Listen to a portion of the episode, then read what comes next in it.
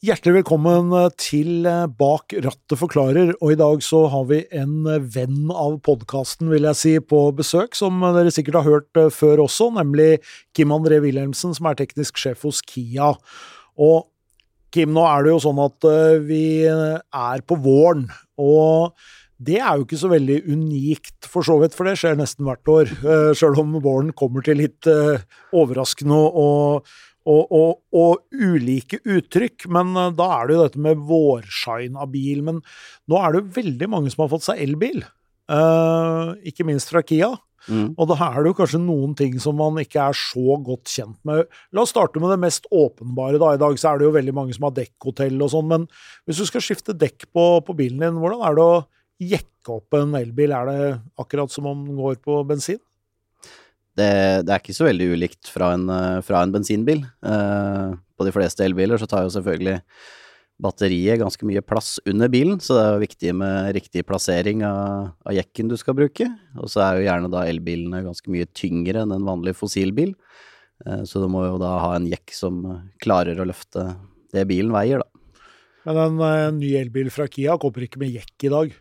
Nei, det gjør den ikke. Ikke reservehjul og ikke jekk. Så da må du eventuelt fram med garasjejekken din. Da. da gjelder det vel, som du sier, å finne riktig eh, punkt å jekke på. fordi eh, hvis du skulle jekke altså jeg har jo opplevd å jekke meg gjennom kanalen på litt eh, eldre biler. Ja. Men hvis du jekker deg gjennom batterikassa, det er ikke noe optimal løsning. Eh, nei, det kan fort bli litt kjedelig. Både kjedelig og dyrt. Eh, det står jo gjerne, for de fleste biler, så finner du jo jekkepunktene i instruksjonsboka på bilen.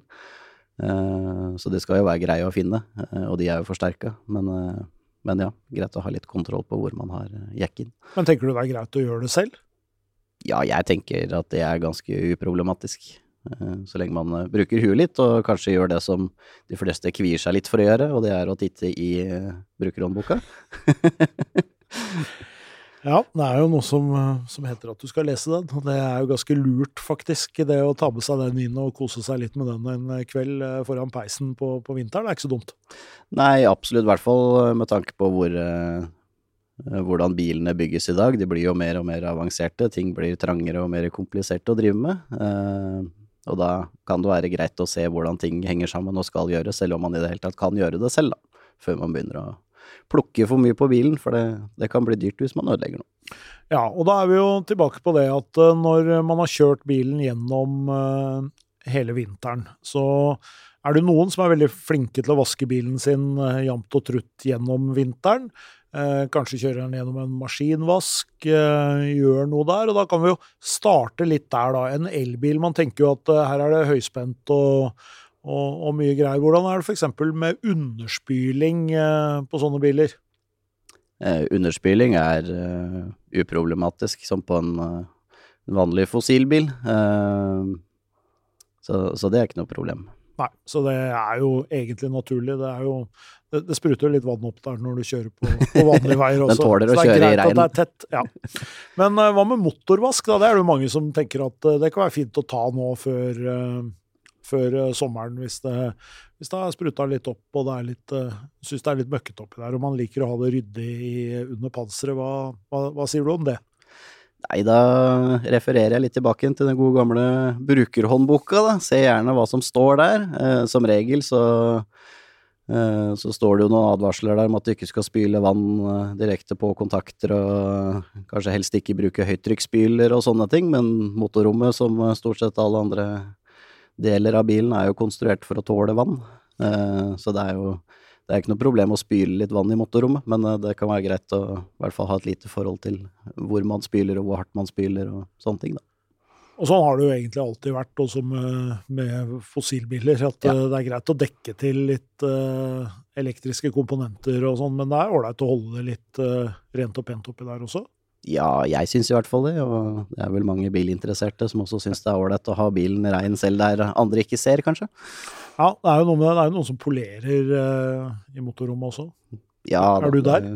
Jeg er ikke der, men uh, jeg syns det er fint å ha det rent oppi der, altså. I hvert fall på mange nye elbiler nå, så har du også en sånn flott sånn frunk, så da er det jo ganske ofte oppe på motorrommet, kanskje. Ja.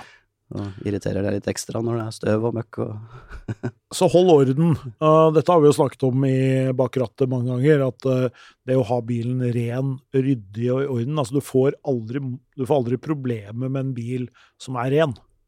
Nei, den holder seg jo generelt uh, mye, mye bedre enn en uh, dårlig vedlikeholdt bil, for å si det sånn. Det er noe med det, det henger gjerne sammen. Det er jo ikke nødvendigvis sånn at det hjelper å vaske bilen, men det hjelper å ta vare på bilen sin. Og da kan vi jo snakke litt om det, fordi når, uh, når vinteren har, har vært i sånn som i år, da, med ganske varierende salting. Det er, eh, det er mye ute på veien som eh, fester seg alle mulige steder. Hva, hva bør og kan man gjøre sjøl for å freshe opp bilen litt nå når uh, sommeren kommer?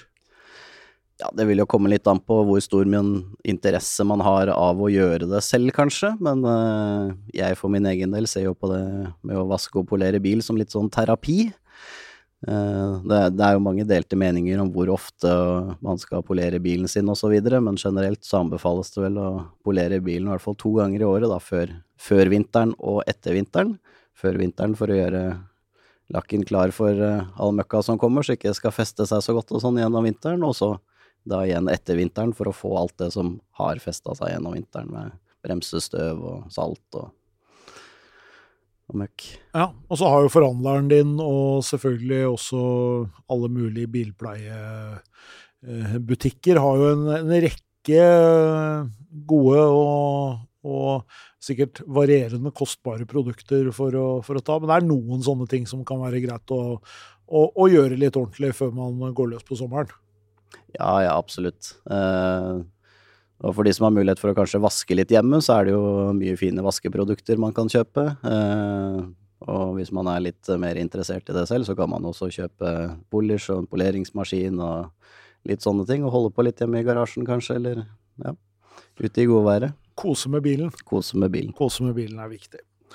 Eh, det er bra. Så da, når man har gjort det, og ting er litt eh, på plass, så så er det jo også noe med at når man går forbi bilen sin, hvis den har stått parkert i to-tre dager, og så kikker man gjennom disse fine, litt åpne felgene man har, og så, så ser man på bremseskivene, og kanskje særlig på elbiler, det, det ruster ganske fort.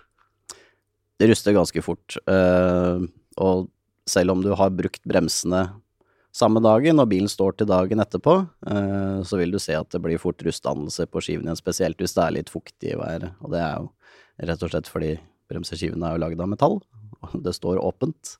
Det ruster fort. Eh, men det er jo for så vidt uproblematisk. Det er jo da bare å kjøre bilen, ta gjerne en eh, litt god opprensing på første turen, eller rett etter du har starta, bare for å se at bremsene tar ordentlig igjen. Så fungerer det som, som normalt igjen. Men det der er jo et, eh, etter hvert et ganske sånn etablert eh, råd da, til elbiler, er jo å bremse litt og bruke bremsene. fordi med så god regenerering som det er på nye elbiler i dag, så, så, bruker du ikke bremsene veldig mye, egentlig. Nei, og så er det jo Det har jo vært veldig mye fokus de seinere årene på Man skal jo kjøre pent og økonomisk og, og sånne ting, og så lenge man ikke bremser hardt eller kjører så veldig hardt, så, så, er jo bremsene mer eller mindre ikke i inngrep i det hele tatt.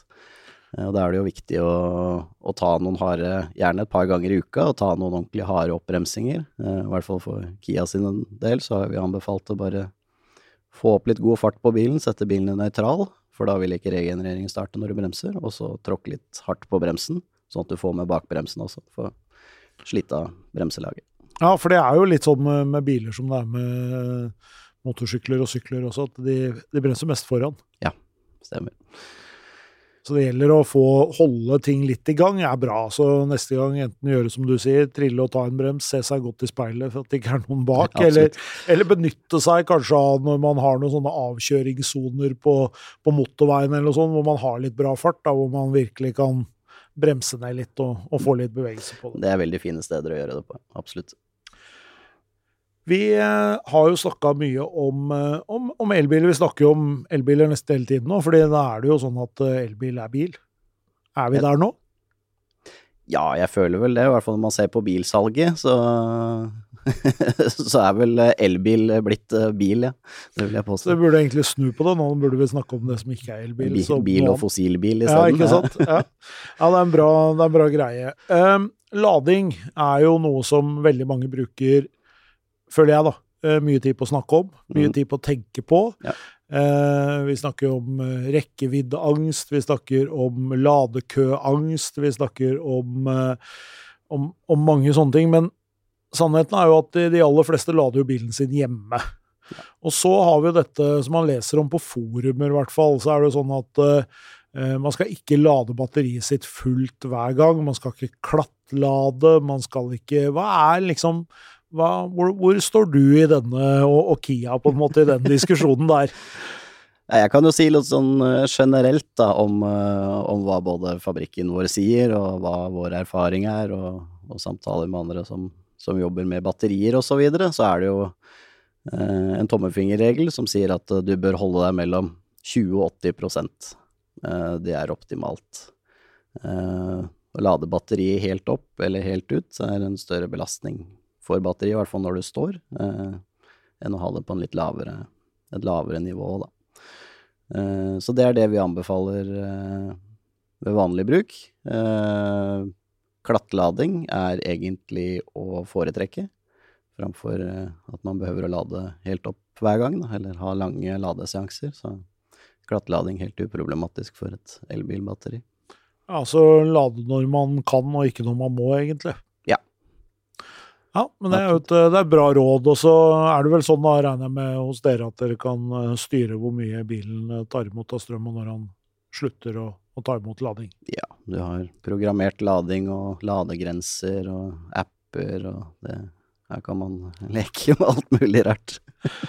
Så bra. Um, er det andre ting du tenker på nå når eh, vi går mot, uh, mot sommer og ferie og, og hele den biten der uh, med elbil? Det har jo vært fokus på nyttelast, det har vært eh, fokus på taklast, det er fokus på pakking. Det er jo, det er jo ting man eh, også må tenke på når man eh, kjører rundt i elbil. Hvor, hvor mye rekkevidde mister du når du setter på lasteboksen på taket, f.eks.?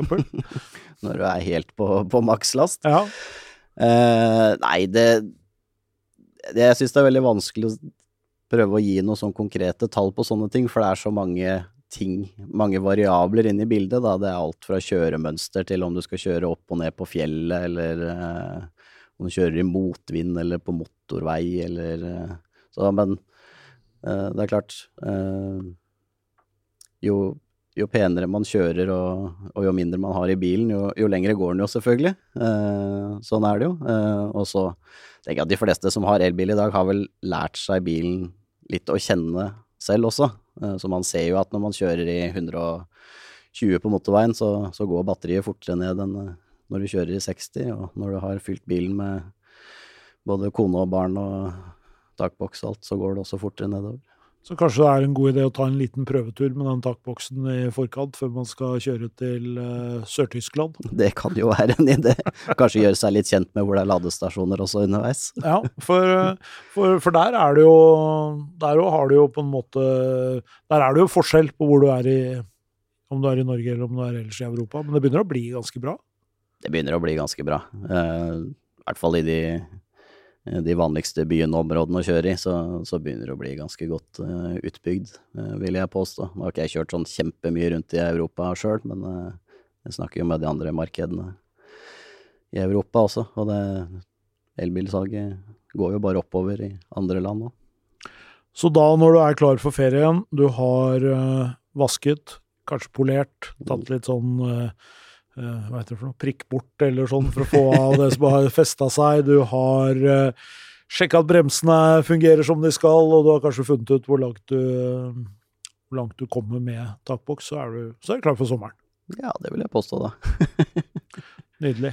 Tusen takk, Kim André Wilhelmsen, som er teknisk sjef for Kia. Vi kommer helt sikkert til å invitere deg tilbake, fordi vi veit, og det ser vi jo på de som sender inn spørsmål og sånn også, det er folk som fortsatt lurer på en del ting rundt elbil, så det, det skal vi følge opp. Hyggelig, det. Koselig å være her.